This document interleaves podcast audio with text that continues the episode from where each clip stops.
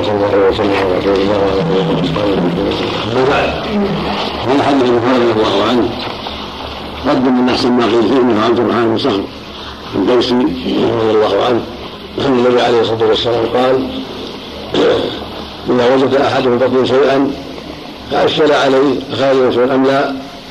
فلا يخرجن من المسجد حتى يسمع صوتا أو يجد ريحا أخرجه مسلم. هذا الحديث يدل على أن الشك في الحدث لاغي لا يؤثر ولا يعتبر. والطهارة باقية على أصلها. حتى يتحقق من ينقلها وفي هذا دلالة على الأخذ بالأصول في الطلاق والنكاح والمعاملات والصلاة وغير ذلك كالطهارة هذا أصل أصيل عند أهل العلم. وهو أن الواجب الأخذ بالأصول والتمسك بالأصول. حتى يعلم ما يخالفها ويناقضها. وأن هذا الأصل زال يقول فلا يخرج المسجد أبلغ مع الحديث أنه فلا ينصرف من الصلاة. حتى ولو كان في غير الصلاة المعنى أن أن طهارته باقية ومعتبرة ويستمسك بها لأنها الأصل حتى يعلم ما يخالف ذلك. وفي المعنى ما رواه الشيخان من حديث عبد الله بن زيد بن عاصم بن مازن رضي الله عنه إنه قال يا رسول الله رجل يجد الشيء في الصلاة. قال لا ينصرف حتى يسمع صوتا أو ريحا؟ أو يخيل يخيل يجد شيء في الصلاة. قال لا ينصرف حتى يسمع صوتا يجد ريحا. فيوجد حديث هريره في الدلالة على وجوب الأخذ بالأصل وهو الطهارة. حتى يوجد ما يزيله عن يقين بسماع الصوت صوت الضلاطه أو من الريح ريح الفساء الرائحة أن تخرج من الدبر فإذا وجد صوتا من الخارج أو ريحا له أو تحقق ذلك ولو ما وجد. المقصود التحقق فبعض الناس قد من الشيء لكن ما يكون ريح ولا يكون الصوت. فإذا علم أنه خرج من شيء انتقض. وإنما ذكر من الصوت. والتصريح لبيان الحقيقة. يعني حتى يتحقق. وهكذا لو أخرج البلل علم أنه خرج من بلل من ذكر أو من دبره شيء. غير الصوت والريح.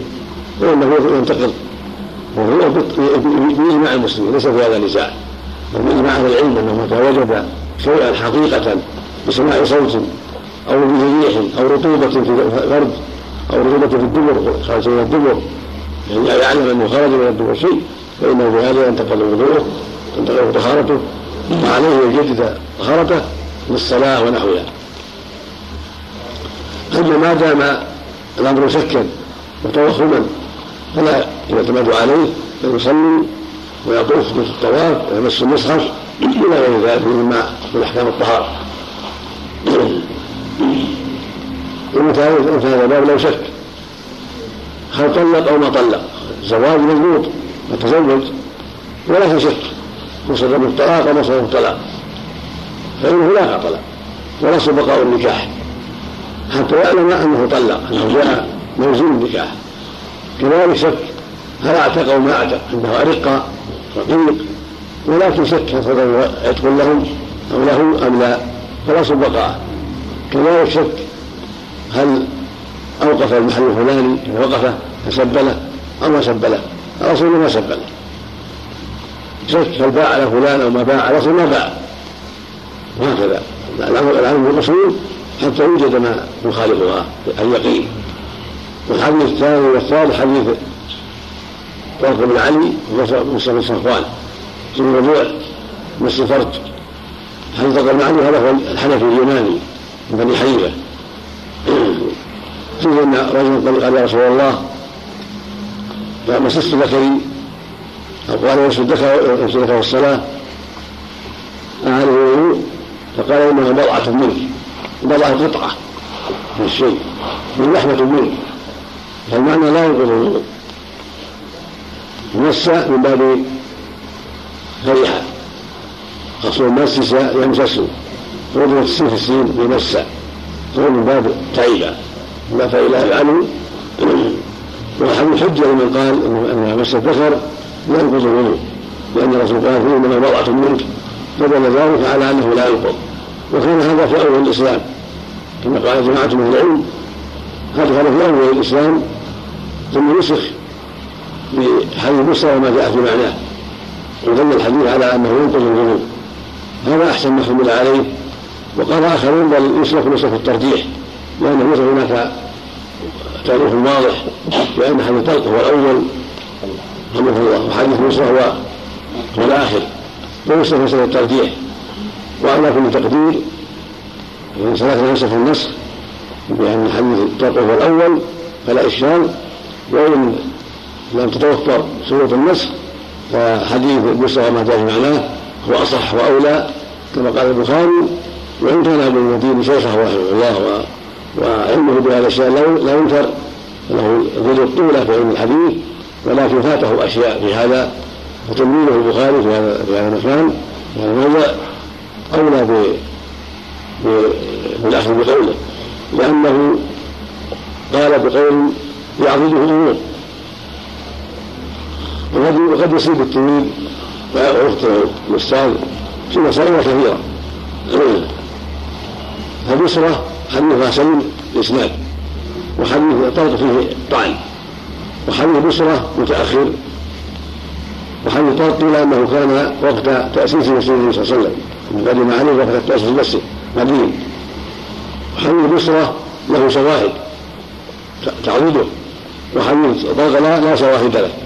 حديث بصرة أصح من وجوده من جهة سنده ومن جهة شواهده. فقد جاء له شواهد من حديث زيد بن خالد الجهني من حديث أبي هريرة ومن حديث أخرى كلها جيدة صحيحة وفيه وفيها دلالة على أن يجب خروج من الفرج. فهو به أولى وهو متعين ولهذا الصواب وان مس الذكر ومس الدبر مس الفرج من حيث هو ينقض الوضوء. وفي حديث من افضل ولي فرجه إلى ستر فقد وجب عليه الوضوء. هذا يدل على أن أنه ناقض وأن حديث بن علي إما منسوخ وإما مرجوح من جهة الصنعة فيما يتعلق بالروايه والأسانيد والشواهد ومعلوم أن الشريعة ناقلة عما كان عليه الناس في الأصل. الأصل أن أي عضو لا ينقل نفسه الوضوء هذا هو الأصل. فجاءت الشريعه ناقلة بجعل نفس الهوى والفرد ناقضا للوضوء وما كان ناقلا فهو مقدم على ما كان مبطلا على الأصل. والحديث الرابع حديث عائشة أم المؤمنين رضي الله عنها. ان النبي عليه الصلاة والسلام قال من اصابه قلب أو رعاف أو قلس أو مجن فلينصرف فليتوضأ ثم يبني على صلاته وهو فيها يتكلم خرجه ابن ماجه وضعفه وغيره هل هذا عند أهل العلم ضعيف. لا يحتج به ولا يتعلق عليه. في اسناده بمعنى الغي لا يخرج من الإنسان من بطن الإنسان مع اعتده. ويتكرر. يسمى قيئا يكون مرة واحدة قليلا يسمى قلسا. وهو من الأوسن فأقل ولا يتكرر. والرعاة ما يخرج الدم من الأنف. والمذي ما يخرج من الذكر عند تحرك الشهوة تحركت الشهوة ثم خلف الذكر ضعف ظهر هذا المذي وماء اللزج أصفر يعلم طرف الذكر عند عند الذكر وعند آه، عدم تيسر مع تحركات لاجل الشهوة. هو غير المني المني يخرج دفقا بلذة عند قوة الشهوة يندفق ويخرج بقوة. وهو ماء ماء قوي ثخين أما المني هو ماء لز ضعيف. ينساب من الذكر عند تحرك الشهوة ثم انخناقها وضعفها. أما خروج المني فهو ناقل بالإجماع.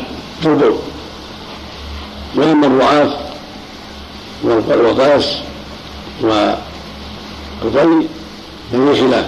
ذهب قوم إلى أنه ينقض الوضوء وذهب اخرون انه لا ينقض الوضوء وليس هناك حجة قائمة واضحة في نقض الوضوء جاء في حديث ثوبان ان النبي عليه الصلاه والسلام فتوضأ وفي فافطر وفيه كلام لأهل العلم وبصاراه يدل على الاستحباب. وصاراه ويدل على استحباب الوضوء وعلى وجوب الوضوء. فإذا توضأ من باب الاحتياط من باب الأخذ بالأولى فهذا حسن وهكذا الرعاة ليس هناك ما على أنه الأحاديث الصحيحة جاء في الجانبين أحاديث فيها ضعف. فإذا فإذا رأوها ضعفا كثيرا فنحو طلاب ولا الوجوب كل من ثلاث العلماء. أما الوجوب فليس هناك ما يدل على الوجوب إلا هذا الحديث الضعيف. والقيس ما قد يقع من أشياء تخرج من الجوف عند عند الشبع في الغالب عند الامتلاء يخرج من من جوفه شيء قليل مثمن هذا يمكن ولا يضر. صومه ولا يضر. طهارته على الصحيح وأما قول ثم لم عن صلاته فعرفت أن الحديث ضعيف. فلا يتعلق بهذا. والصواب أنه ان ان الحدث يفسد الصلاة. كالمني إذا احدث إذا فسد الصلاة أو انفى أو خرج من البول أو ما أشبه من منه فإنه تفسد صلاته. هذا هو الصواب. لحديث علي الذي يأتي في علي منطق العاتي كان في كتاب الصلاة. اذا فسد احدهم الصلاه فلينصرف وليتولى وليعيد الصلاة. أخرجه الخمسة. ابن خزيمه حديث جيد لا بأس به. وهو مقدم على حديث عائشة هذا لأنه ضعيف. والصواب أن الحدث في الصلاة ينقض الوضوء ويبطل الصلاة. وعلى من فعل ما وقع عليه ذلك يعيد. هذا هو الراجع والمعتمد في هذا الباب. نعم. إذا صار ضعف وهو يصلي أم في صلاته الشيء يسير فلا مانع مثل أما الخفيف فيحمل النجاسة من دم ينجس بالإجماع فيحمل النجاسة فلولا أن يقطع صلاته ويتنزه من الدم ويتوضأ على من باب الاحتياط ومن باب الأخذ بالحيطة لصلاته هذا هو الأولى نعم. الله أقول القلس لا حد معين يقول من الأنسان فأقل إذا كان لا يتكرر يعني يخرج ولا يتكرر نعم. والقلس للتسكين وربطه بعضهم بهذا وهذا فيما يظهر وتقسيم اللام نعم هو شيء واحد نعم نعم من الألف ما ينقض الوضوء ما ينقض الوضوء الجروح ثم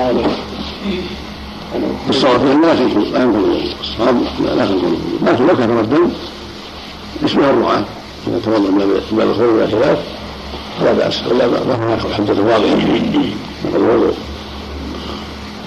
نعم.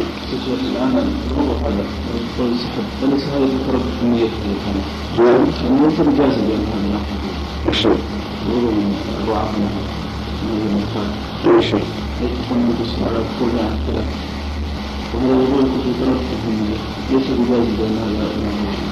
لا هذا يحسن الوضوء الشرعي يعني الشرعي اذا اردت وضوء الوضوء الشرعي هذا الاستواء هل مع نظام حضرتكم؟ نعم. اذا كان الاستواء يعني يزيل الشبهه إذا كان حدث رفعه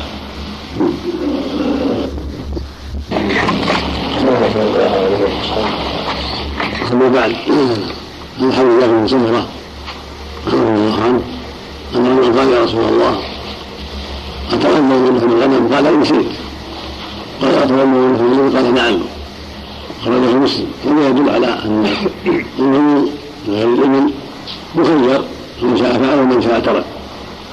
وكان النبي صلى الله عليه وسلم قد أمر اولا بالوضوء من مسك النار. ثم ترك ذلك. فقيل نسخ. الركنية وقيل نسخ الوجود وبقي الاستحباب. وهذا يدل وهذا الحديث يدل على بقاء الاستحباب. قال نسيت فمعنى انه مستحب. نسيت فهو يكون عبث عبث بما حينئذ وإضاعة لله بلا فائدة فدل ذلك على أنه مستحب من الطهارة على طهارة. من من مسك النار. سيتوضأ هذه طهاره على طهارة فهو أما لحم الابل فقال نعم ولم يجعل له مشيئة. قال نعم يتوضأ. فيقول على وجود الوضوء الابل وهذا غير مخير. بخلاف الغنم والبقر والصيود فانه مخير واما لحم الابل فليس مخير ويدل على هذا المعنى هذا ما رواه أبو داود في صحيح عن براء بن عازب رضي الله عنهما أن النبي صلى الله عليه وسلم قال من لحم الابل ولا توضؤوا لحم الغنم ولا توضؤوا يدل على عدم لحم الغنم وأنه لا يشرع منها وحديث الجاري يدل على شرعيته. قال ولا توضؤوا نهي عنها يدل على عدم الوجوب لا توضؤوا منها على سبيل الاعتقاد الوجوب وانها شيء واجب فسنة من توضا على سبيل الاستحباب والنشاط وتحري فضل الذنوب أما لحم الإبل فأمر بالوضوء وجزم في ذلك فدل على وجوب قد توضأ من لحم الإبل ودل على الوجوب وهذا الحديث الصحيحان حجة في ذلك. ولهذا ذهب أحمد جماعة في الحديث. رحمه الله قوله هو الصواب وذهب آخرون الأكثرون إلى عدم من لحم الإبل واحتجوا روي عن صلى الله عليه وسلم أنه من أشهر الأمرين فإن تكون من النار لا حجة فيه فإن هذا المراد منه جوز وصف النار المراد في الإبل ويدل على أن نفس جابر روى ذلك مصرحا به أكل. من لحم غنم متوضأ ثم أكل من مرة أخرى فلا يتوضأ وكما أخر من آخر الأمرين تكون من مسجد النار وتكون من لحم لحم غنم وأشباه فإذا أكل لحم إبل من غير داخل في ذلك ولم يثبت عن صلى الله عليه وسلم أن آخر أمرين تكملون من لحم الابل لا. وإنما هذا من ناس الدماغ هذا عام وحديث جابر بن سمره وحديث البراء خاص. والعام لا يقضي الخاص بل الخاص يقضي على العام من القاعدة الأصولية. الخاص يقضي على العام ويخص من العام ولا يعم العام وهذا له نظائر كثيرة. مثل يقول جل وعلا وأحيي لكم ما وراء ذلك سورة النساء. يستفيد من هذا مما جاء من المرأة وعمتها ومن المرأة وخالتها خص خصت السنة كتاب العزيز. كذلك دون القبور خصت السنة في النساء إلى غير ذلك. فالحاصل أن لحم الإبل السبب فيه أنه ينقض الوضوء وهو الحق لهذين الحديثين الصحيحين وإن خالفه المخالفة والحديث الثاني حديث أبي هريرة رضي الله تعالى عنه أن النبي صلى الله عليه وسلم قال من غسل منه فليغتسل من حيث يتوضا احتج به بعض أهل العلم على شرعية الغسل أو وجوبه لغسل الميت. وعلى استحباب الوضوء لمن حمل الميت.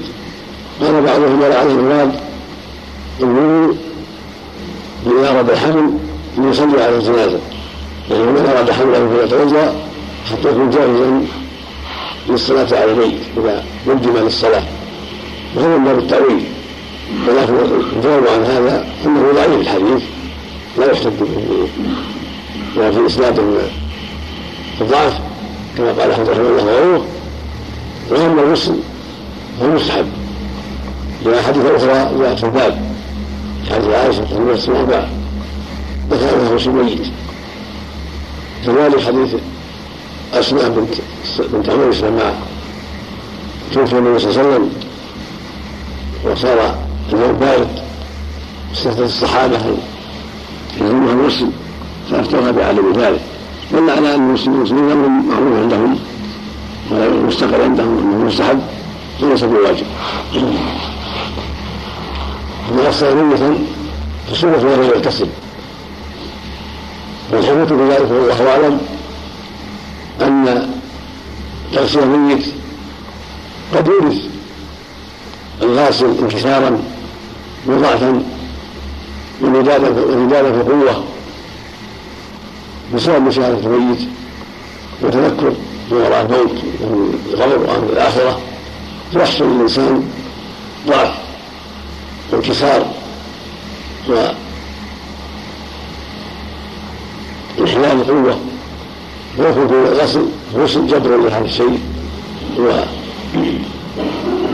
وقوة بعد الضعف وتماسك كما يشرع الغسل بعد الجماع لما يثبت الجماع من الضعف فينجبر الغسل هكذا الغسل من غسل الميت وهكذا الغسل من الحيض والنفاس لأن الدم يضعف. القوى خروج الدم. ففي الغسل بعد انقطاع الدم. وحصول الطهارة. جبر لما حصل من الضعف. وتقوية للبدن وتوفيق له بعد ما حصل له من الاختلال والضعف ولله حكم واسرار لاحكامه قد تخفى على البشر. مع العلم اليقيني انه أنه حكيم عليم وأن أحكامه سبحانه كلها على محض الحكمة. وأنه لا يستغفر عبثا وإنما يدفع بالحكمة البالغة. إن ربك حكيم عليم. إن الله كان عليما حكيما سبحانه وتعالى. وبهذا يعلم أن أنه لا يستحب المفروض نحو الميت لعدم صحة الحديث. أما الغسل يستحب من تغسل الميت اختلف العلماء هل يجب الوضوء لا يجب على قولين؟ قال بعضهم يجب وهو عن بعض الصحابة وقال بعضهم لا يجب. وهو محل نظر وذكر عدم الوجوب الوجوب يحتاج إلى دليل. أن يكون مس عورة الميت وإن مس عورة وجب الوضوء وإن كان يشرع له ولا يمسها بل يكون عليه خلقة يمسح بها العورة. ما يمس العورة. لكن لو قدر أن يده أخطأت أو أنه جهل مس العورة فهو يلزم الوضوء أما إذا كان ما يمس العورة وإنما غسل فقط أو صب الماء على النص فلا ليس هناك شيء واضح في وجود الوضوء ولا وجود الغسل بل يستحب الغسل وإذا توضأ فمن باب أولى إذا توضأ واغتسل فهذا أكمل وأكمل بما فيه من الانتبار والطهارة. التامة نعم. والحديث هذا حديث. عبد الله بن أبي هو عبد الله بن أبي هذا هو ابن محمد بن عمرو بن حزم الأنصاري رضي الله عنه وعن أبيه وأزواجه. توهم بعض الشراح أن عبد الله هذا هو ابن أبي الصديق. وهذا وهم كبير غلط عظيم. فإن عبد الله بن الصديق الرواية وهو يعلم ولا تروى من رواة هذا الخبير هذا الحديث وإنما هو عبد الله بن أبي بكر بن محمد بن عمرو بن حزم الأنصاري ولهذا قالوا في الرواية إنه مرسل. وكان عبد الله بن الصديق ما كان مرسلا لأنه أصحابه جليل المقصود أن هذا هو عبد الله بن الصديق بن بكر حزم الانصاري فيها النبي صلى الله عليه وسلم لا يسقون إلا طاهر يحتجون العلماء على تحريم المصحف الا على طهارة. من هذا الحديث والاحاديث الاخرى جاءت الباب. يشد بعضها بعضا والحديث رواه مالك مرسلا في الموطا وصله النسائي وابن حبان وهو معلوم ورواه داود المراسيل أيضا وجاء في بعض الطرق الموصوله ما هو جيد كما عند أبي داود كما ذكر صاحب الصرايه الثيلعي الحديث جيد ولا بأس به. وله طرق جيدة موصولة فيحج على تحريم مثل المصحف وما جاء في الاحاديث الاخرى والشواهد الاخرى تقويه وتؤيد معناه وهذا كله في المصحف أما إذا كانت القراءة عن ظهر قلب فلا بأس يقرأ على غير الطهارة. إذا كان ليس من يقرأ على غير الطهارة لا بأس. لهذا الحديث الرابع حديث عائشة. كان يستغفر الله على كل احيانه وهو مسلم علقه البخاري وذكر الله يشمل القرآن وغير القرآن. فيجوز المسلم يقرأ القرآن ويذكر الله وإن كان على غير طهاره هذا من الله وتيسيره جل وعلا. وإن الانسان في حاجة إلى الذكر. في حاجة إلى التعبد به. فاباح الله له الذكر وإن كان على غير طهاره وان يتخلف ولا يحرم من هذا الخير العظيم. هذا من فضل الله وإحسانه الينا سبحانه وتعالى. أما مس المصحف فلا بد فيه من الطهارة. كما دل على هذا الحديث. وكما دلت عليه فتاوى الصحابة. قال ابو عباس بن رحمة الله عليه ان الصحابة أفتوا بانه لا يجوز المصحف إلا لمن كان على طهارة. أما من تأول لا يعرف أن مراد الطهر باب الطهر مسلم هو تأويل بعيد لأن الطهر في الشارع هو المتوضأ فلا يمس القرآن إلا كان متوضئ هذا هو الصواب. وعلى العلوم الأربعة ومنهم أهل العلم وجعلنا قوله يجوز مس المصحف ولو على الطهارة ولكن قول ضعيف مفتوح مخالف للسنة ومخالف لما أفتى به أصحاب النبي عليه الصلاة والسلام. فلا يلتفت إليه. ولكن يستثنى من هذا الجنوب فإنه لا يقرأ القرآن. الله قلب ينتظر حتى يغتسل يقول على كل أحيان هذا عام. مخصوص بالجنوب لحديث علي الله عليه وسلم لا يمنع في القرآن من جنابة. وهو مستثنى على الصحيح. واختار العلماء الحائض والنساء هل تستثنى من العموم أو وجود له قراءة وهو القراءة كسائر الذكر على قولين. احدهما انه مقدور وجامع أن كل واحد منهم عليه على حدث اكبر والقول الثاني إنهما ليس كالجنوب لأن مدتهما تطول بخلاف الجنوب. وقد احتج اصحاب القول الأول بحديث رواه الترمذي عن ابن عمر. النبي صلى الله عليه وسلم قال لا تمس الحائض لا لا لا تقرأ الحائض بدون شيء من القرآن. لكنه من روايه موسى بن الغربه عن غير الشاميين وهو ضعيف من رواية اسماعيل بن عياش عن موسى بن الغربه وهو من الشاميين وروايه إسماعيل عن غير الشاميين ضعيفه عند أهل العلم وإنما وانما جيده اذا روى عنه بذلك. فالاغرب يقول الثاني وإنه لا حرج. قراءة القرآن لهذا موسى بين مدة تطول لكن المصحف عن ظهر قلب ولا سيما عند الحاجة كالمدرسة. والطالبة المختبرة محتاجة إلى ذلك. فإن حاجتها ظاهرة في هذا. قياس عدو ليس بظاهر فلا فلا يصح قياسه مع والله الصغار لازم طلاب الصغار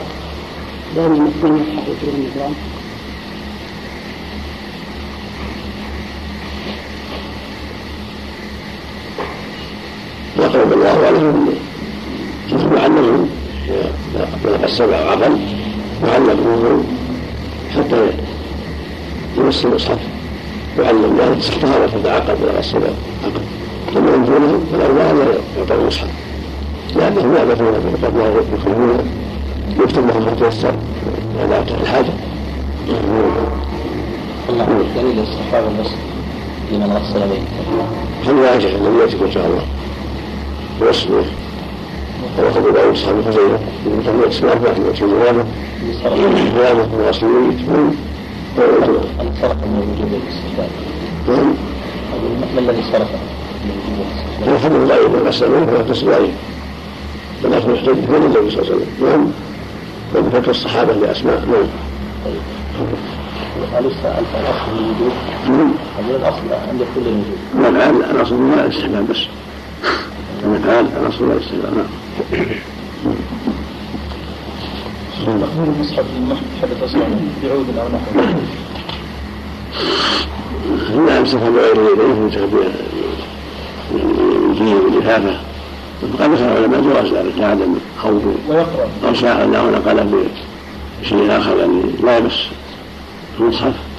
فلا حرج أو أمسكه له غيره وهو ينظر يكون خلل المصحف أو جزء من المصحف. ما يجوز هذا المصحف ما يجوز ورقة من المصحف كتبه المصحف. قد يقال إن الآيات ملحقه بالأصل التعظيم الجميع لكن الايات في ورقة ينبغي فلا يتركها الحمام لانها ملحقه باصلها اما جنس ذكر الله من جنس الأسماء والأسماء والرسائل فالامر فيها واسع ولان الناس إلى هذا حاجة كثيره والامر فيها واسع إن شاء الله.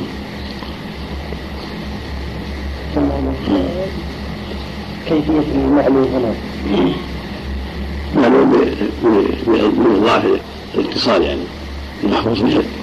عند أكثر المحفوظ به الارسال ولكن القول الثاني ان ان مصدره جيد اولى ثم لو قلنا ان المرسل يعبد المتصل فيتقوى هذا بهذا مع فتوى الصحابه مع الشواهد الأخرى. من باب الحسن بغيره والمقبول أربعة أقسام. صحيح لذاته صحيح لغيره حسن لذاته حسن لغيره. وحديث أبو حسن من القسم الرابع. على هذا القول. وذلك من القسم الثالث. كما يتورط صحة السند الذي وصله أبو داود بن راسل وغيره وذكره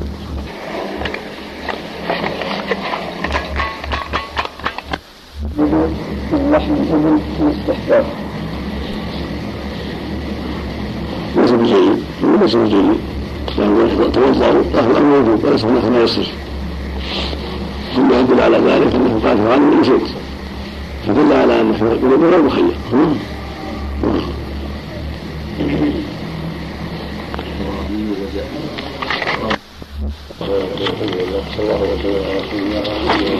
أما بعد. هذه الأحاديث بقية. حديث باب نواقض الوضوء قدم بعض معناها في الحديث السابقة حديث أنس رضي الله عنه وهو ابن مالك. إذا أطلق هو ابن مالك. الأنصاري بن النضر الأنصاري خادم النبي عليه الصلاة والسلام. وهناك أنس ثاني قال أنس مالك الكعبي صحابي أيضا معروف. إنه لا يطلق انس فالمراد به خادم النبي صلى الله عليه وسلم. انس بن مالك بن النضر الانصاري الصحابي الجليل رضي الله عنه وأرضاه. وقد عمر حتى تجاوز المئة مات سنة 92 أو 93 من الهجرة. وكان وقت الهجرة من عشر سنين.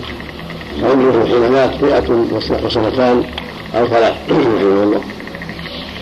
أن النبي صلى الله عليه وسلم احتجم وصلى ولم يتوضأ.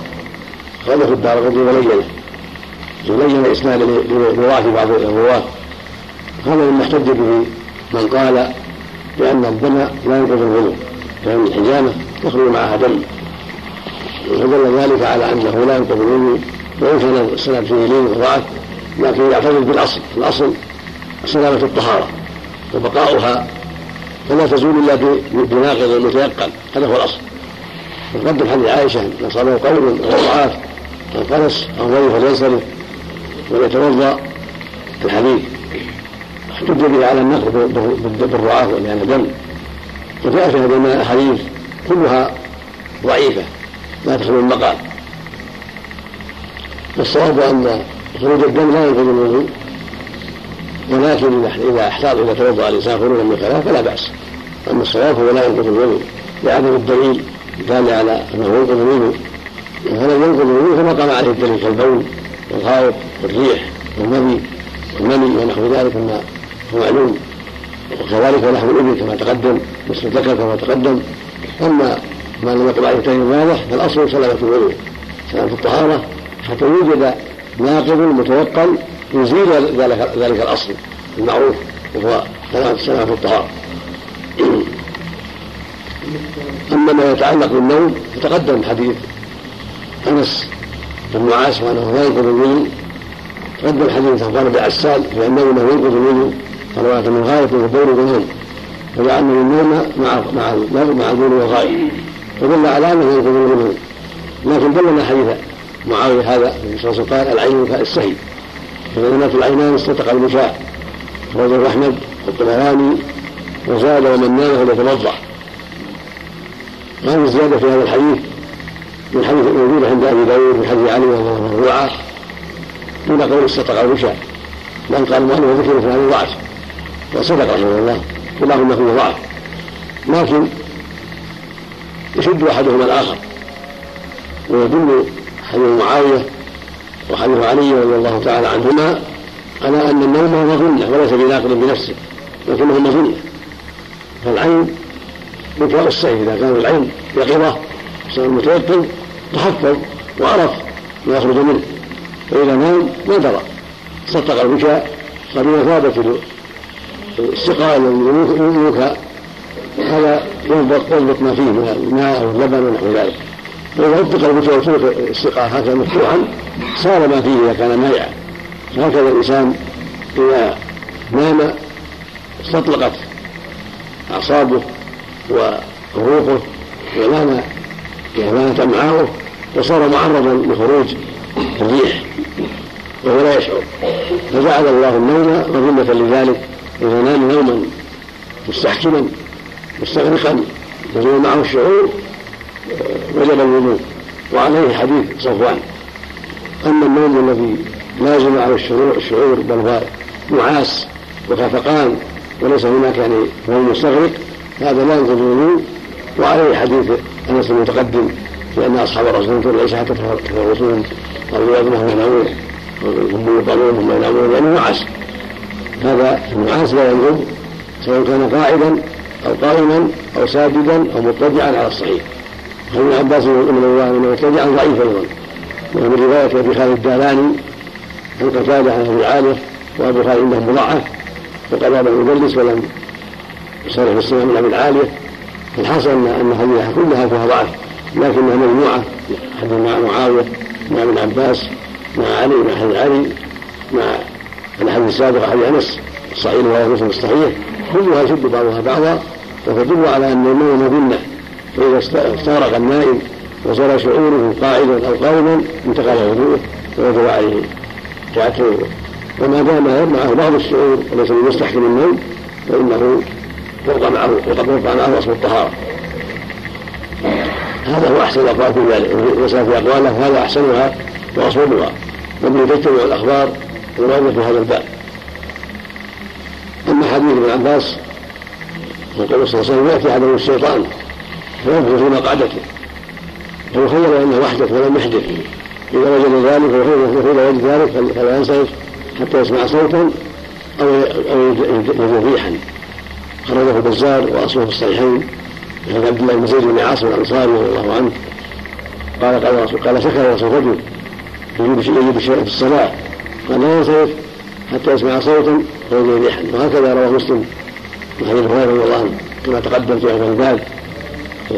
قال عليه الصلاة والسلام واجده شيء فاشكر عليه قال في الاملاء فلا يخرج من المسجد حتى يسمع صوتا أو يجد ريحا وللحاكم من حديث أبي سعيد مرفوعا ما جاهده الشيطان فقال انك لقد كذبت. قال ابن حبان في رواياته فلق في نفسه. هذه الروايات تدل على حرص الشيطان. لعنه الله وإياكم على إفساد ظهرة الإنسان وعلى التشويش عليه وعلى إيذائه في صلواته حتى تبقى معه الوساوس والشيطان عدو مبين. قال مطر. قال مطر بن عبد الله الشخير التابعي الجليل أغش العباد للعباد هو الشيطان. أغش العباد للعباد هو الشيطان وأصدق من هذا وأعظم من هذا قوله سبحانه إن الشيطان لكم عدو فاتخذوه عدوا.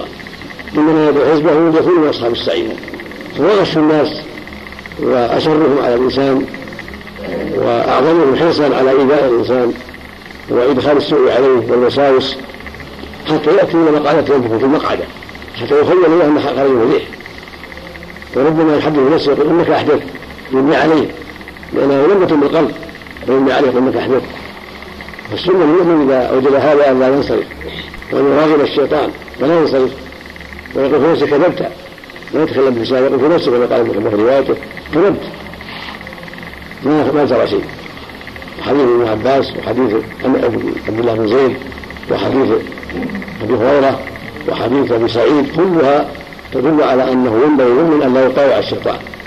ومتى وجد هذه الاشياء التي خيلوا فيها انه احدث أنه يعصيه ويخالفه ولا ينصرف من صلاته ولا من مسجده ولا من قراءته ولا من حول أعماله ولا من الصالحه حتى يسمع صوتا خرج من دبره صوت الضراب أو يجري ريحا وهو فساء حتى يحس بالشيء الخارج. والمعنى حتى يتحقق.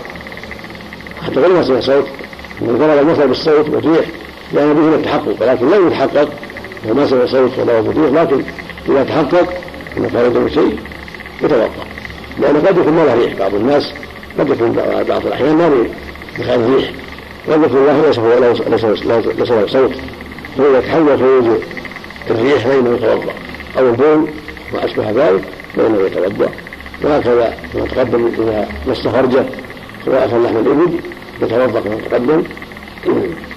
وهكذا يستحكم النوم وزال الشعور ويتوضا والله أعلم. نعم. نعم. نعم. عند زال زال الثوب يغسل إذا عامة العلماء يغسل من الحيض والناس ولا نعم. لكن دم الإنسان مثل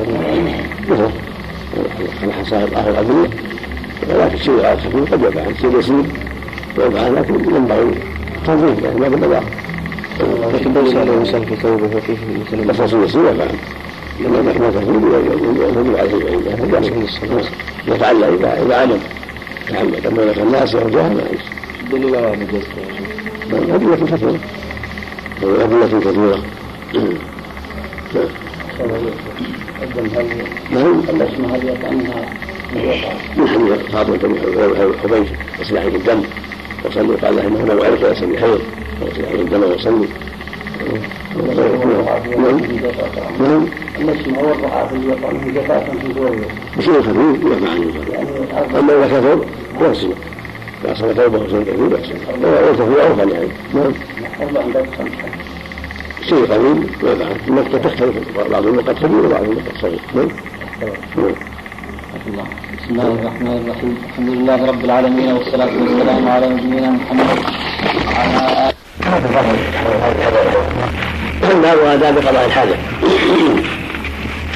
من العلماء رحمه الله عبارات في هذا الباب متنوعة. منهم من يعبد بهذه العبارة ومن يقول باب دخول الخلاء والاستطابة. ومن باب الاستطابة ومن باب دخول الخلاء. ومن باب قضاء الحاجة. وكل هذا عبارات متقاربة. والمراد حاجة الإنسان التي لا بد له منها. يعني هذا آداب قضاء حاجته من غير الغائب والشريعة الإسلامية جاءت بكل خير وبالنهي عن كل شر. وجاءت في الآداب في العبادات والمعاملات. حتى قال سلمان عن بعض اليهود انه قال لعل يكون نبيكم حتى القراءة قال سلمان أجل. أمر رسول الله صلى الله عليه وسلم أن يسال الله ذاته ويقول وأن وأن نستجيب ما قلبهم في احجار وأن نستجيب واجوع ولا عظم المقصود أن الله جل وعلا أجرى على يد نبيه عليه الصلاة والسلام تعليم الناس كل ما يحتاجون إليه.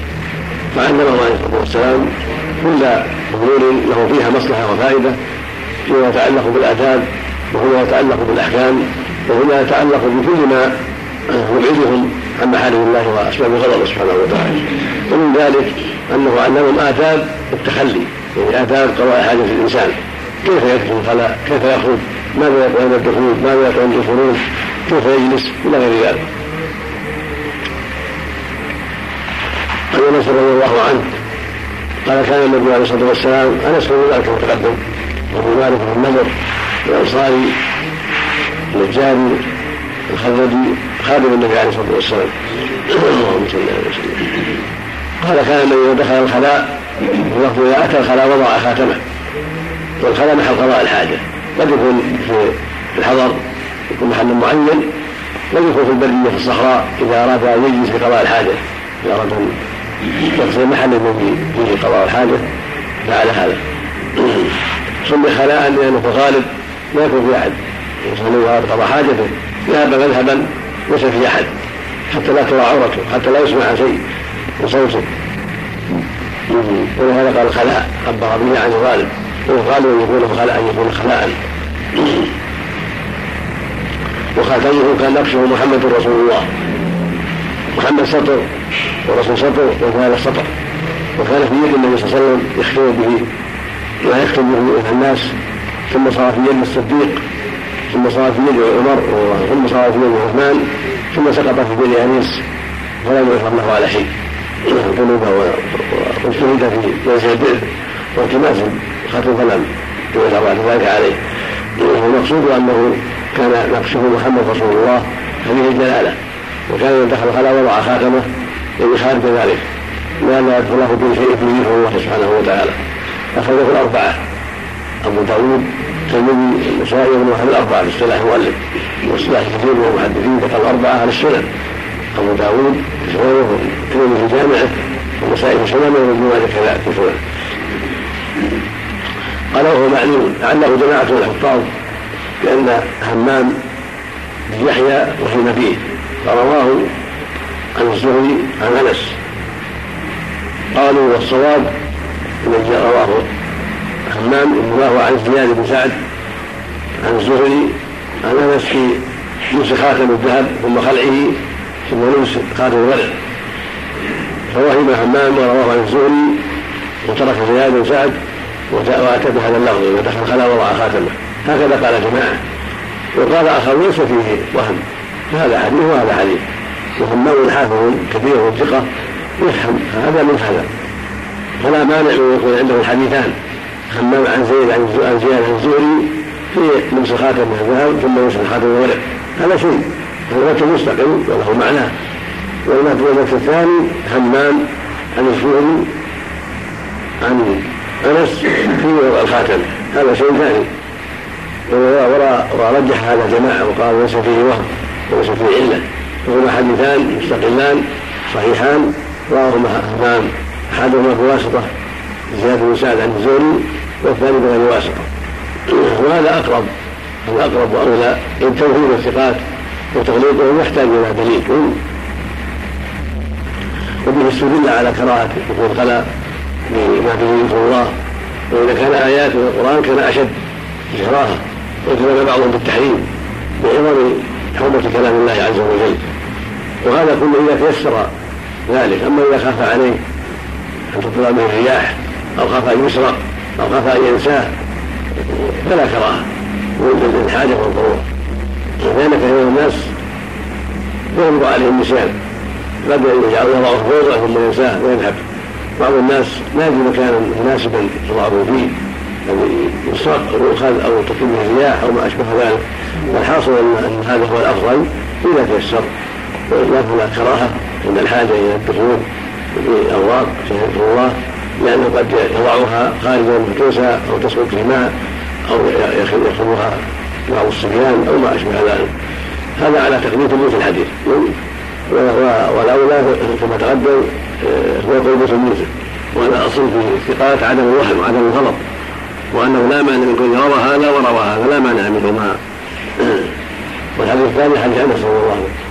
أيضا انه عليه الصلاه والسلام كان إذا دخل الخلاء قال أعوذ بالله من الخبث والخبائث. وفي اللهم إني أعوذ بالخبث والخبائث. وفي لفظ بين الارقم النبي صلى الله عليه وسلم قال إن هذه حديث مختبرة. إذا أتى أحدهم خير فليقول اللهم إني أعوذ بالخبث والخبائث. زاد سعيد بسم الله. كان سعيد موصوف روايته. كان يقول بسم الله أعوذ بالله من الخبث والخبائث قال الحافظ رواه المعمري باسناد جيد على شرط مسلم. ومعنى انه يقول بسم الله اللهم انه الخبث عند الدخول. زاد البخاري رحمه الله معلقا عن سعيد بن زيد عن عبد العزيز بن صهيب عن أنس. قال كان الذي إذا أراد أن يدخل. فأقرأه بهذا له إذا أراد. وهذا هو المراد وقال إذا أراد. إذا دخل إذا أراد الدخول. وفي قوله جل وعلا فاذا قرأت تقرا فاستعيذ بالله. يعني إذا أردت القراءة فاستعيذ بالله. فهو يستعيذ بالله عند الإرادة عند الشروع والقراءه لا بعدها. هكذا إذا دخل خلا معناه إذا أراد دخول خلا كما في رواية عن سعيد بن زيد المعلقه عند البخاري تعليقا من به. ورواها رحمه الله في الادب المفرد متصله من طريق ابن النعمان شيخه عن سعيد بن زيد. فهذه روايه صحيحة جيده معلقة ومتصله أن الإنسان إذا أراد يدخل قال أعوذ بالله من الخبث بسم الله. أعوذ بالله من الخبث والخبائث. والخبث بالضم أفصح. وتسكن باؤه ويقال خبث وقد وزن الخطابي رحمه الله صاحب المعالم التغليق وسكنها تغلطوا. وقال الصواب يجوز التسكين يقال كتب وكتب. نصب ونصف التسكين صحف وصح التسكين ولكن الافصح الضم ضمتين وهكذا خروج الضمتين. جمع خبيث. والخبائث جمع خبيثة. أراد بهذا عند أهل العلم ذكور الشياطين وإناث الشياطين يتعين له من ذكورهم واناثهم جميعا لأنهم يحضرون في الغالب من مواضع قذره وهو محل قضاء الحاجة فيستعيذ الله من شرهم جميعا. وقال بعضهم في تفسير خبز التسكين الشر والمفروض والخبائث أفعال قبيحة فالمعنى أعوذ بالله من الشر كله وأعوذ بالله من الخبائث التي هي الأفعال القبيحة. وعلى القول الأول استعاذ من اسبابها فإن الشياطين هم أسباب كل شر وإذا استعاذ منهم قد استعاذ من اسباب الشر كله. هذا من الآداب الصالحة. من الآداب الصالحة من دخول الخلاء أن تقول بسم الله أعوذ بالله من الخبث والخبائث عند الدخول عندما تريد دخول الخلاء أو عندما تريد الجلوس في البرية. في المحلات التي تريد قضاء الحاجة فيها. عندما تريد الجلوس تقول أعوذ بالله من الخبث والخبائث. قالوا من الاداب الشرعية التي جاء بها هذا الشرع المطهر على يد نبينا محمد عليه الصلاة والسلام. والحديث الثالث حديث أيضا رضي الله عنه. قال كان يدخل الخلاء يعني يغسل محل الخلاء. احمل على غلام النحوي إزالة بالماء وعنزة فيستنزل بالماء هذا يدل على أنه صلى الله عليه وسلم كان يأمره أن يخيره هذا الشيء. إذا فرغ من حاجته استنجع وقول غلام النحوي يعني قريب مني قال بعضهم إنه أراد به عبد الله مسعود وليس بشيء. عبد الله مسعود ليس نحوه. وهو المهاجرين والكبار والسابقين. ولهذا جاء في احدى الروايات عند البخاري أو مسلم من الأنصار غلام النحو من الأنصار من الأنصار. فزال بهذا توهم انه ابن مسعود واتضح أنه غلام من غلام الأنصار كجابر واشباهه ابن نعمان بن بشير واشباهه من سائر الصحابه والمقصود أنه كان يحمل هذا هذه الإداوة والإداوة إله من الجلد يوضع فيه الماء والعنز عصا صغيرة دون الرمح. مثل طويلة يكون لا زج فيها حديدة. كانت تركب امام النبي صلى الله عليه وسلم إذا أراد أن يصلي وجدت أمامه سترة وصلى دونها عليه الصلاة والسلام. وتحمل معه. وقد يحتاج إليها عند قضاء الحاجة. أن يوضع عليها شيء يستره عند قضاء حاجته. عليه الصلاة والسلام. في هذا أنه كان يخدمه صلى الله عليه وسلم في السفر والحضر يعني أنس. ويخدمه في السفر والحضر وفي حمل الماء مع الإنسان إذا أراد قضاء الحاجة وأن هذا لا بأس به بل هذا من المشروع لأن إذا أبعد قد يصعب عليه المجيء للاستنجاء لأنه قد لا يجد مكانا مناسبا يستنجي فيه. فلهذا ناسب أن يحمل معه. حتى يستنجي في محل خالي بعيدا عن الناس. وفيه دلالة على جواز استنجاء الماء من دون استجمار وقال سيباشر غسل النجاسة بوجهه من دون استجمار بقوله بالماء ولم يكن يستجمر وهو محتمل فإنه صلى الله عليه وسلم كان من عادة الاستجمار. وهكذا العرب كانوا يستجمرون. فلا فلا فلا مانع من كونه يستجمرون في محله ثم يأتي فيستنجي بالماء علاوه على ذلك. ولهذا قال العلماء الاستنجاء ثلاث أقسام. الحجارة وحدها والماء وحده بهما جميعا. فاكملهما اكمل الثلاثة الحجاره ثم الماء. ثم الماء وحده ثم الحجارة وحدها. فهي أيضا عند أهل العلم. فاذا استنجى بالحجارة وحدها أجزاء. فاذا استنجى بالماء وحده أجزاء. فإن جمع بينهما كان أكمل فيستنجي بالحجاره اول عند قضاء حاجته ثم ينتقل إلى مكان آخر فيستنجي بالماء لإزالة آثار الخبث. وكانت العرب في الغالب تستنجد بالحجارة واللبن تكتفي بذلك. لقلة مبالاتهم بهذه الأمور ولقلة الماء أيضا أنه في الاسفار واستقرت الشريعة على هذا فإن النبي صلى الله عليه وسلم أمر يستقيم الإنسان بثلاثه أحجار ليس في عرض ولا روض. فدل ذلك على تكفي تكفي.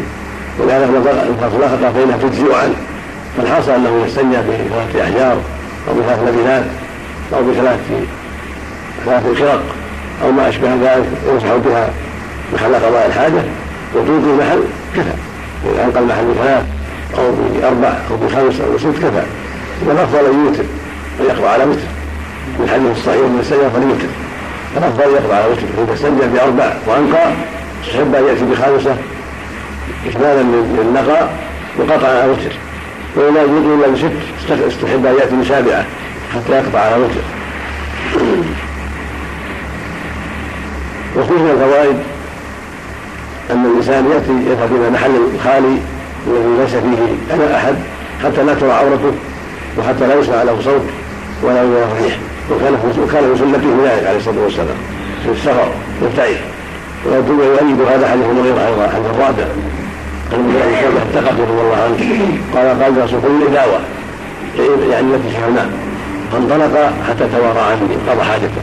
هذا يدل على استحباب البعد عند قضاء الحاجة ويكون بعيدا عن الجيش وعن السرايا وعن الصحبة الرفاق يكون بعيدا عنهم في الوادي في الوادي الأودية والمحلات البعيدة عن الناس حتى لا يرى خلف الهدي في السنة ثم بعد ذلك ينتقل فيستنجي في محل أيضا بعيد عن الناس لا ترى فيه عوره كما فعل عليه الصلاه والسلام والله سبحانه وتعالى اعلم صلى نعم وشو؟ نعم لابد من لازم الاستنجاء لا ما ما ما ما ما ورد في الشرك هذا في الحجاره الاستثمار الحجارة من الحجارة الاصل أفضل. اذا زاد على الثلاث أفضل. أما الثلاث لا بد منه لا بد من هذه لا يجزي ثنتين أو يجزي إذا لا تجزي. يعني أفضل ما لا بد ثلاث فأكثر. اذا أراد يستكفي يستكفي به عن عن الماء يعني. فلا بد من ثلاث فأكثر. لأن الرسول ما يستدل باقل من ثلاثة أحجار. فاذا أنت بثلاث كفى. ويحتاج الزياده يأتي برابعه ويأتي بخامسه وتر حتى يقطع على وتر يعني لا بد من أفضل. في ذلك إذا زاد إذا زاد على اربعه ثلاث ثلاث لا بد منها لازم. فإن تجي بدون يكون تجي بدون تجزي لو اكتفى باربع أجزاء. اذا إذا فعل على ونقى المحل نعم.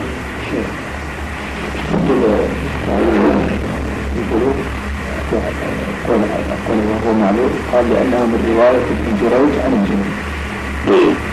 همام عن الوجه عن الزهري نعم وابن جريج لم يسمع من همام عن الوجه عن الزهري هذا في هذه الرواية التي علوها وإنما رواها عن عن زياد بن سعد.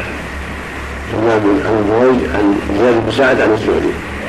وروى هذا الحديث همام عن الزهري عن الزهري. وأبو سمع عن الزهري. ولا ولا مانع من كونه رواه اثنين يعني. لأن همام ثقة. فروى هذا وهذا.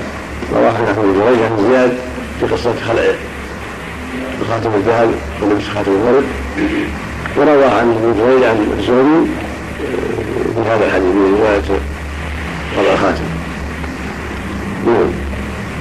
همام عن ابن جريج عن الزهري.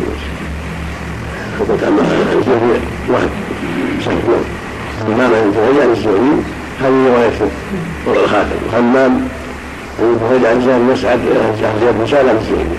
في مسألة وضع خاتم الذهب ثم نعم بسم الله الرحمن الرحيم يوم حديثان هذا مستقل وهذا مستقل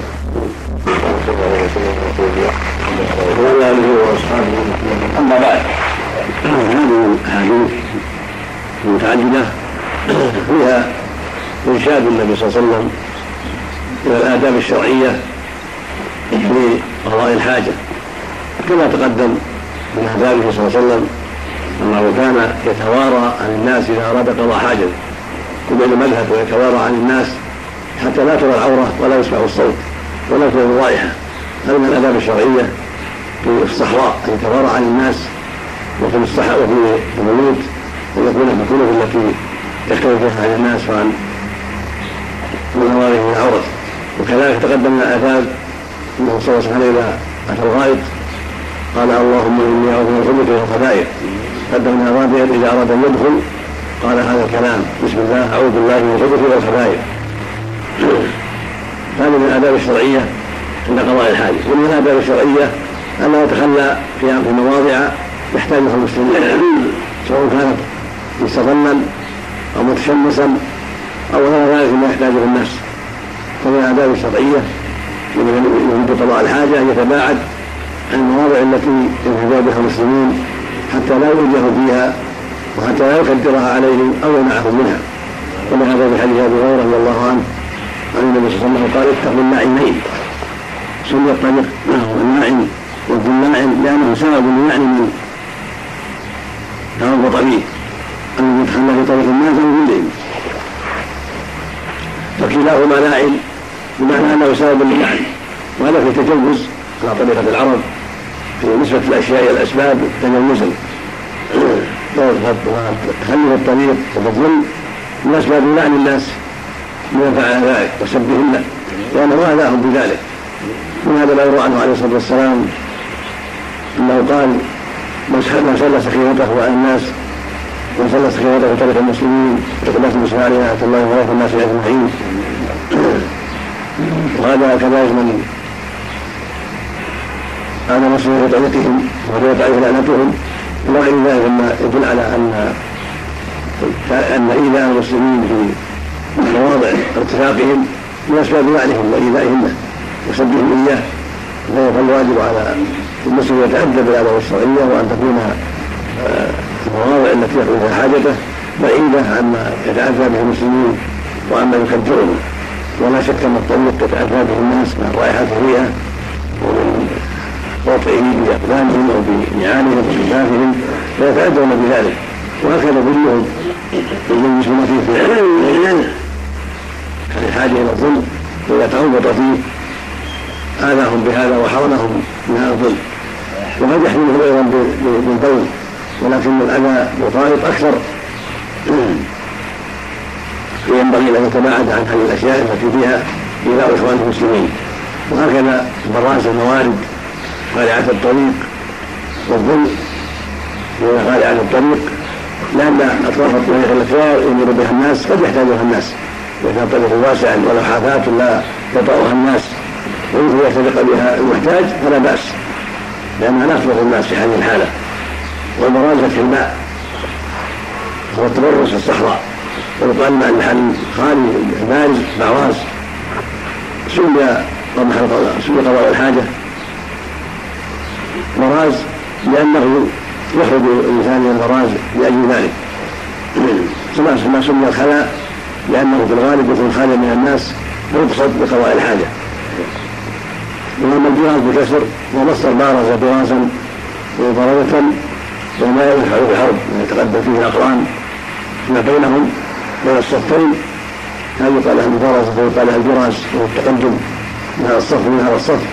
بين الصفين من الحرب والقتال والموارد جاء مورد وهي موارد الماء موارد الأنهار. لأن البراز فيها يخدرها على الناس ويمجدهم إذا جاءوا إليها فلهذا النهي عن ذلك وقارعة الطريق كما تقدم والظل كما تقدم موافق لحديث أبي هريرة. ولكن فيه ضعف كما قال المؤلف لأنه من رواية أبي سعيد.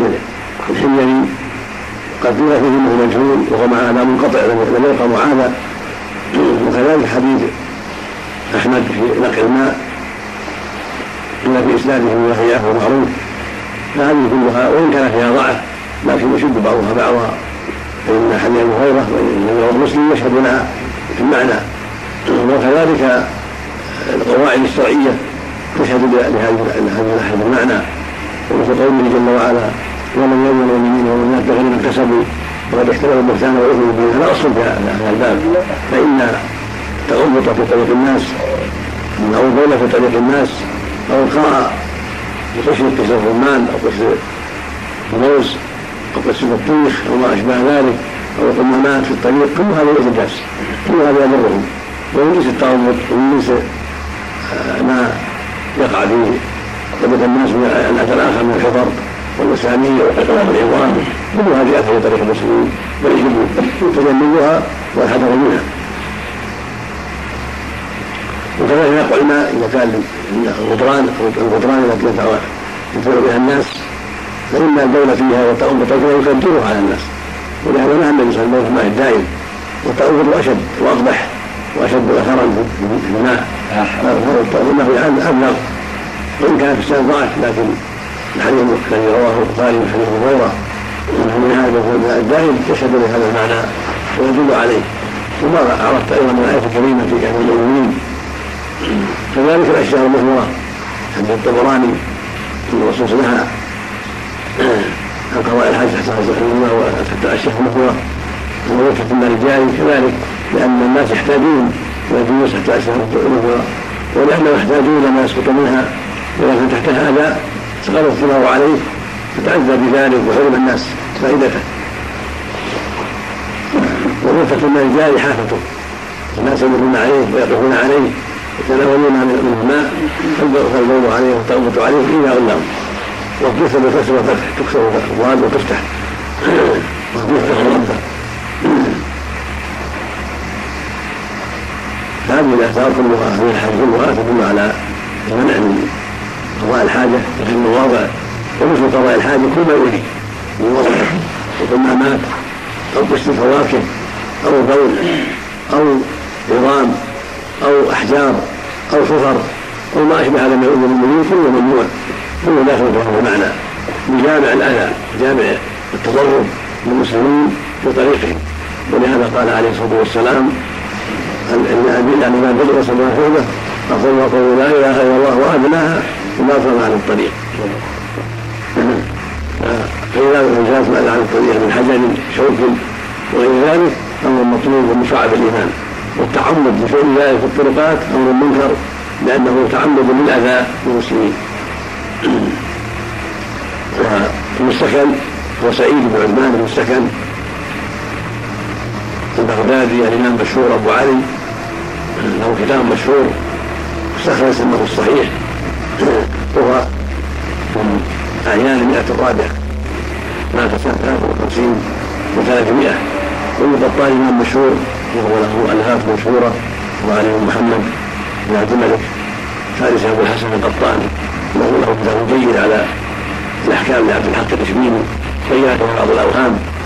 فكانت وفاته سنه 28 و600 ومن أيام المئه السادسة والسابعة. رحمه الله.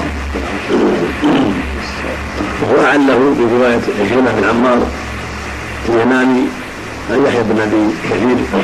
اليماني فإن بعض أئمة الحج قالوا ان في روايته عن يحيى اضطرابا ولكن عرفت أن حديث هذا يعرض من الحسن. حديث هذا يعرض على حديث حديث جابر في التعمر جابر النهي عن تحدث الشخصين وهما يقضيان الحاجة. وأن الواجب عليهما التستر وعدم التحدث في هذه الحال لأن حالة سكون حالة انكسار بين يدي الله وحالة اعتراف بضعف ابن آدم فليس محل التحدث محل التفكير والنظر في نعم الله على العبد. كونه يسر له قضاء حاجته بعدما يسر له الأكل والشرب والانتفاع بما أعطاه الله من النعم ثم يسر له قضاء الحاجة وهي حالة تفكير ونظر في نعم الله على العبد وما من الله عليه به هذا الشرك الذي هو اخراج الاذى منه. بعدما من الله عليه بنعمه الأكل والشرب ومنفعه الأكل والشرب ثم من عليه باخراج هذا الأذى عنه ويسر حال التحدث. ثم التستر أمر لازم لا يجوز الا العورات ولحديث جابر شاهد من حديث سعيد ومشابه أيضا ضعف فالحديثان وما جاء في معناهما يدلان على أنه ينبغي المؤمن إذا اتى الغائط أن يستتر. يجب عليه ذلك حتى لا ترى عورته وان يتحدث مع في الحالة وهذا الحديث معتاد أما إذا حلت حاجة ودعت حاجة غير الحديث المعتاد فالظاهر أنه غير داخل في هذا. كان ينبه على خطر كثيف أو حيه أو عقرب أو شيء ذلك مما قد يحتاج الإنسان إلى التنبيه عليه. هذا غير ذلك التحدث المعتاد الله سبحانه وتعالى اعلم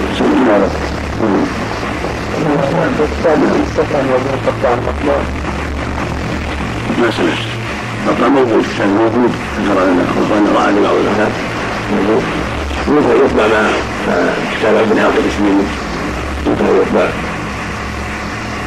كان في عالم الجامعة الاسلاميه فيها على على طبع على كتاب عبد الحق الاسميني ولا يتم يطلع معه على حاجته كتاب ابن الخطاب الوهم والايهام ويتفق على على كتاب الأحكام. ربما يتم ذلك مع بعد ما تم ثم قد عزمنا على طبع الأحكام والتحقيق بعد تحقيقه ثم تعثر التحقيق. ولم يتم موضوع شيء ذلك الوقت. ثم كان مستكملات يعني ما سمعت عن شيء هل مستخرج يعني برواية له ولا مستخرج من الكتب؟ لا رواية سمعت صح صحيح. صحيح؟ نعم له فيها اوهام نعم. نعم.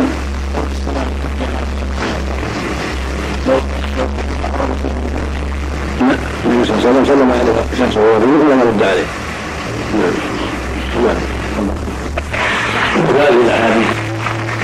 هذا ذكرها في آداب قضاء الحاجة سبق أن النبي صلى الله عليه وسلم بعثه الله بمكارم الأخلاق ومحاسن الأعمال وبعثه بالآداب الشرعية في كل شيء فهذه الشريعة العظيمة شريعة الإسلام قد جاءت بالآداب الصالحة والأخلاق الفاضلة في كل شيء فيما يتعلق بالعبادات وفيما يتعلق بالمعاملات فيما يتعلق بالأحوال الشخصية من طلاق ونكاح وعدة وغير ذلك فجاءت في كل خير وحذرت في كل شر.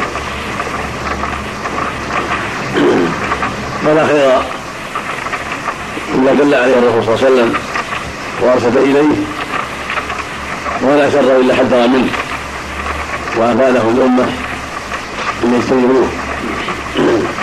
ومن ذلك يتعلق بآداب آداب قضاء الحاجة. قد سبق في ذلك أحاديث ومنها هذه الأحاديث.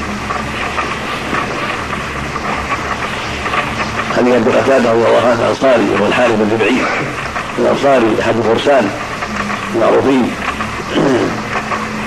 والشجعان المذكورين في الصحابة رضي الله عنهم.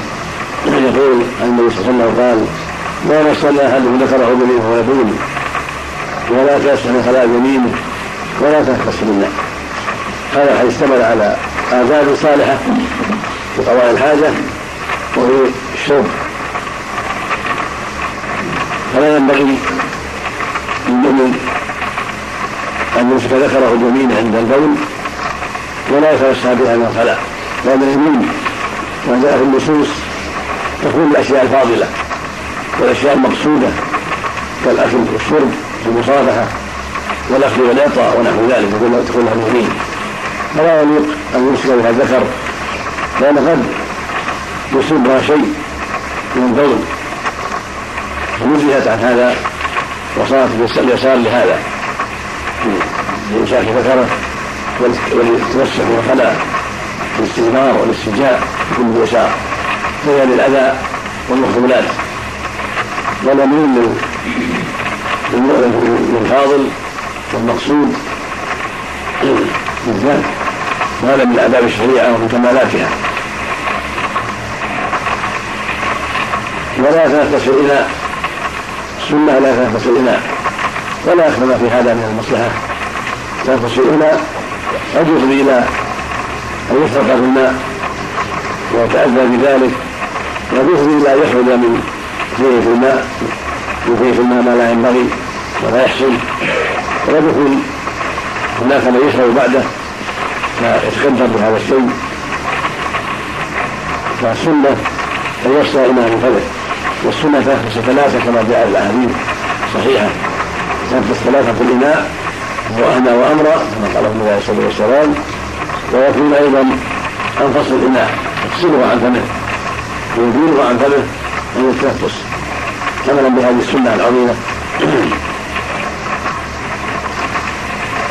والأصل في النهي التحريم هذا هو الأصل. وان كان معروف عند أهل العلم يدخل هذه المسائل في الاداب الشرعية والمستحبات ولكن الأصل كما لا يخفى مناهي تحريم ومنع فينبغي المؤمن ان يتأدب بهذه الآداب والا يتسهل فيها لأن الرسول نهى عنها وقال منع عن ان يجتنبوه الله يقول جل وعلا ولا تكفروا تكفرون قال أن هي أما نهى عنه عليه الصلاة والسلام هذه الآداب العظيمة النافعة الحديث الثاني حديث سلمان بفارس أبي عبد الله المعروف الذي جاهد في جاهليته وحرص على اللقاء لمحمد صلى الله عليه وسلم حتى يسر الله له ما أراد. وطورت به الأحوال حتى وصل إلى المدينة وقبل هجرة النبي عليه الصلاة والسلام. ثم هذا النبي صلى الله عليه وسلم وهو عند اليهود فاسلم وانقذه الله من اليهود كاتبا كاتب مالكه وخلصه الله منه المقصود انه معروف وزواجه معروف رضي الله وارضاه يقول الرسول علمهم ونهاهم ان يستغرقوا ان يستغرقوا في هذا وهذا الحديث انه معروف ان ان بعض الملوك قال لسلمان علمكم النبي صلى حتى قراءة حتى اداب التحلل فقال سلمان نعم وجبله أن هذا أن نستقبل الغاية من القوم وأن نستغل اليمين وأن نستغل أقل في أحجار وأن نستغل رفع الأرض هذه كلها من الاداب التي علموا إياها فيما يتعلق بالتحلل وقضاء الحاجة. هذه الأشياء ستة بينها سلمان ولو علمه اياه عليه الصلاة والسلام النهي عن الصفات والضلالة والبول والنهي عن استجاب اليمين ثلاثة عن استجاب في احجار والنهي عن استجاب رجيع وعرض هذه ستة أشياء من الآداب الشرعية ينبغي أن يلتزمها أولا عدم استقبال القبلة لا بغائط ولا بول بل يكون ينحرف عنها في جهة الشمال والجنوب يشرق ويغرب. جهة الشرق والمغرب الشرق والغرب يجب أن يشمل حتى لا يستقبلها لا بغائط ولا بول هذا الصحراء لا إشكال فيه. أما في البناء اختلفوا فيه. وقال بعض أهل العلم البناء في الثالث لأن حديث عامة حديث سلمان حديث أبي أيوب وضعف معناهما حديث عامة كأبي هريرة كلها عامة.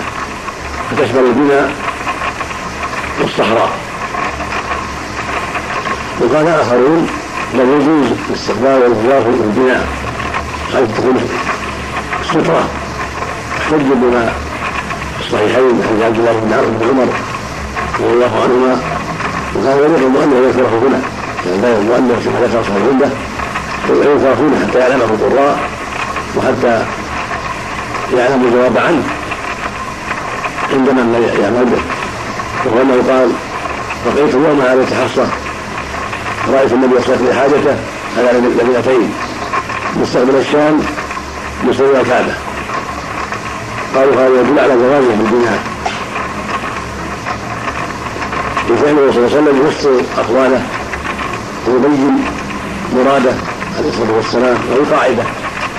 إذا نهى عن شيء ثم ثم فعل خلافه دل على النهي ليس من التحريم بل الكراهه وإذا أمر بشيء ثم تركه دل على انه ليس بالوجوب بل بالاستحباب والنهي مثل ما نهى عن الشرب قائما ثم فعله يدل على أن الشرب قائما مكروه أو ينبغي تركه أو خلاف الأولى والشرب جائز. مثل لما قام الجنازة مره ثم جلس دل على القيام لها ليس واجبا ان أمر به ثم جلس فدل على انه ليس واجبا بل مستحب هكذا هنا قال البخاري وجماعة من العلم من الحديث وغيرهم إنه يدل على جواز الاستقبال والاستدبار في البناء. وهذه النهي يدل على الأفضل والكمال عدم الاستقبال وعدم الاستدبار في الصفاء والبناء جميعا لا بين الروايات. وقال آخرون بل بل الواجب عدم الاستقبال وعدم الاستدبار مطلقا وحديث الفعل قد يكون خاصا قد يكون قبل النهي مشهور وقد يكون خاصا به صلى الله عليه وسلم وقد يكون قبل النهي. والجواب عن هذا أن الأصل عدم الخصوصية. هذا هو الأصل. الأصل جاء تعالي التأسي. وأما كونه قبل أو بعد فهذا لا يجب النسخ. للتاريخ المجهول فوجب حينئذ ان يفصل به العام ولكن يدل على أنه على الجواز والعموم يدل على الافضليه وأن الاستقبال تكون اولى ان ينبغي. للمؤمن ان يستقبل ولا يستدبر هذا هو الاولى والأفضل والأكمل ولكن لا يقال بتحريم ذلك في الدماء مع فعل النبي صلى الله عليه وسلم مع فعل النبي عليه والسلام في الدماء وأما حديث أنه جابر بن قران النبي صلى الله عليه وسلم قبل ان سنة. يستقبل هذا فيه نظر عند أهل العلم في اسناده ضعف بالنسبة إلى الأحاديث الصحيحة ومن روايه ابن إسحاق وإن كان إسحاق لا بأس به. ولكن ليس موجهه في منزله من روى أحاديث النهي. وهي أحاديث عدة أحاديث صحيحة في الصحيحين وفي غيرها. واللفظ المحفوظ انه باقي واللفظ الباقي ليس بالمنسوخ ولكن يستحب في الصحراء يستحب تسليم بها عدم الاستقبال وعدم الاستدبار اخذا بالعموم ويجب في الصحراء عدم الاستقبال وعدم الاستدبار من اخذ العموم. ولهذا في حديث أبي ايوب النهي عن ذلك مطلقا. رواه السبعة ثم احمد رحمه الله واهل الصحيحين والسنن الاربعه كما تقدم المؤلف في الكتاب. رواه أحمد والبخاري ومسلم واهل السنن الاربعه عن أبي ايوب مرفوعا ما مختصر مستوى عن أبي ايوب ولم يكن مرفوعا من عنده لأنه حديث معروف مشهور لكن لو قال مرفوعا لكان أولى ولا لو سقط النسخه التي طبع عليها وهي قائلة وفي هذا المستبعد يعني مرفوعه عن ابي مرفوعه النبي صلى الله عليه وسلم قال لا تسبقون بغير ولا بين ولا تسبقوا غيره الحاصل أن ايوب فيه النهي عن استقبال والاستدبار وهو مرفوع النبي صلى الله عليه وسلم ومن أصح الأحاديث واثبتها وموافق لحديث سلمان وفي زيادة الاستدبار.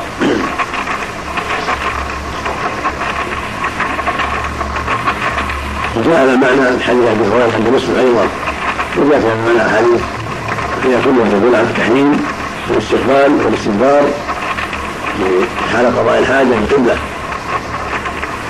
إلا أنه بنيان ليس للتحريم من ترك الأولى والكراهه على قول جماعة من أئمة العلم البخاري رحمه الله وجماعة من أئمة الحديث وغيرهم وهو موافق للأصول إلا أن الأولى والأفضل والاحوط من أن لا يستقبل مطلقا حتى في البنيان املا بالاحتياط واخذا بالأمر القوي. وفيه دلالة حديث سلمان أيضا دلالة على أن لا ينبغي الاستنجاء في أقل ثلاثة أحجار.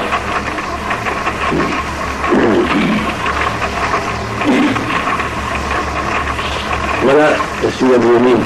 قد تحدث بقتادة فيه عن ذلك من السنة باليمين. وأما هذا المتعلق بالاستمرار هذا ما إذا كان يكتفي به. أما إذا كان يستعمل فالأمر في هذا واسع. سنة واحدة أو بنتين بثلاث فالأمر واسع. لكن كان يلتزم بالحجر فلا بد من ثلاثة أحجار فأكثر. ولا يجزي أقل من ثلاثة. وقد جاء فيها معنى حديث أخرى حج عائشة وغيره تدل على كلها تدل على أنه يجزي الاستطابة في ثلاثة أحجار فأكثر. وتغني عن الماء يعني وجهة أخرى هنا تجزو عنه عائشة وغيره هنا تجزو عنه. الحاصل أن ثلاثة أحجار فأكثر تجزي عن الإنسان واستطاب بها وألقى المحل. فإن لم تجزي فإن لم تكفي زاد رابعا فإذا أنقى بالرابع استحب له أن يكثر على الخامس. من حديث ابن سلمة وخروجه فإذا أنقى بخامس الحمد لله وإن السادس وجب السادس. وإذا كان السادس وأنقى به المحل استحب السابع نقطع على وجهه.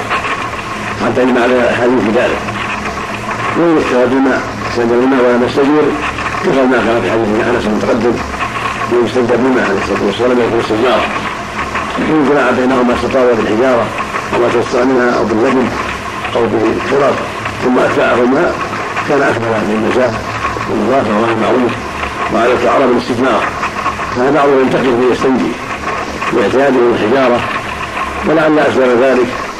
قلة ما بينهم وكثرة أسفارهم. ولهذا يلتزئون بالحجارة واعتادوها واكتفوا بها وجاءت الشريعة مضرة لذلك لكنها غيرت ذلك بثلاث أحجار فأكثر مع الإنقاء مع السلامة من بقية الأثر. وهذا محل إجماع من أهل العلم. أن السنجة ثلاثة أنواع. حجارة الحجارة وحدها الماء وحده والجمع بينهما. الحجارة وحدها تجزي وإن كان كثير من الناس لا يعرف هذا ويظن أنها لا تجزي لكنها تجزي وما جاءت في الأحاديث الصحيحة عن رسول الله عليه الصلاة والسلام وقال في العلم. وذلك الرجيع والعظم لا يستنجى بهما كما دل عليه حديث مسعود. وحديث سلمان هذا واحاديث أخرى يأتي من بعضها. الاستنجاء بالرجيع والعظام محرم ولا يطهر من ما يأتي في حديث هريره لا يطهران وذلك هذا انه زاد أخرى من الجن. لا يستنجى بهما. قد يثبت لله عن ذلك علتان. إحداهما أنهما لا يطهران والثانية أنهما زاد إخوان من الجن. وإن الله دعا فإن الله دعا لهم الجن ما وقدوا إليه ونصحهم وذكرهم. سأله زاد ولهم دوابهم سأل الله جل وعلا لهم أن لا عظما قد رسول الله إلا ينفوه ما كان لحما. وهكذا من دوابهم فلا يستجاب بهما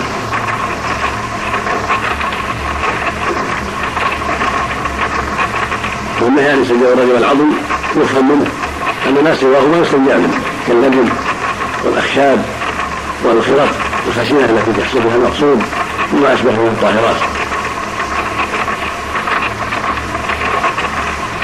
وفي حديث عائشة الأمر بالاستتار عند قضاء الحاجة ان قضاء يستتر هذا تقدم لكم فيه احاديث ان إذا أراد حاجة أبعد بقصد الستر.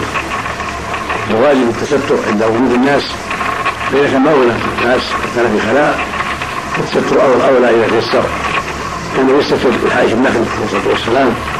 وإذا تيسر من أنواع الستر. قبل إشارة إلى حديث من التراب فيستتر فإن يجد حين الظن. فإن يجد معك في الظن. فيسبله فإن الشيطان عند مقاعد بني آدم. وحل فيه ضعف ولكن شاهد لهذا المقام الحاصل أن الواجب العناية بالستر عند رؤية الأبصار. فإن لم يجد فإن لم يكن هناك أبصار فالأولى فعل هذا الشيء. والحرص عليه حسب الاستطاعة كأسم النبي عليه الصلاة والسلام. وأمر بالأحوال في هذا الباب من حديث فلان بن حديث من يده فضاورت حاربته إلا مزوجته وهو فإذا أصبح رجل خاليا. قال الله حفظ يستحيا منه فعند قضاء الحاجات يتحرى الإنسان من المقاعد المناسبة والمقاعد البعيدة عن الأنظار وفي الصحاري يتحرى أماكن منهبطة تحت الجذور تحت حجر كبير إلى غير هذا مما نوع من الستر وحديث عائشة يدل على الحديث الثاني حديث عائشة يدل على شرعية الدعاء عند خروج الغاية بهذه الكلمة غفرانك هذه الكلمة معناها أسألك غفرانك مفعول غير محلول كان إذا خرج الغاية تقول غفرانك خرج الخمسة والصحابة وحاتم الحاكم وحاتم الراسي محمد بن بن منزل الرازي الإمام المشهور الحافظ الجليل يستطيع أن يأتي التراب بالسياره هكذا نعم. إذا كان في البلد تحتاج إلى التيمم ولم يجد التراب الأرض مبلده مفروشة في البلد لكن يستطيع أن يأتي بالتراب من خارج البلد؟ لا لا بس في الشارع في الشارع وليس يكون ياخذ من جسده أطراف الشارع كان في التراب مبلد كل شيء لا مبلد لا السلك الصغير مو مغلق الشارع هذا الشارع السلك الصغير مو مغلق أو النواهي مو مغلق ما كان في نعم صلى الله عليه وسلم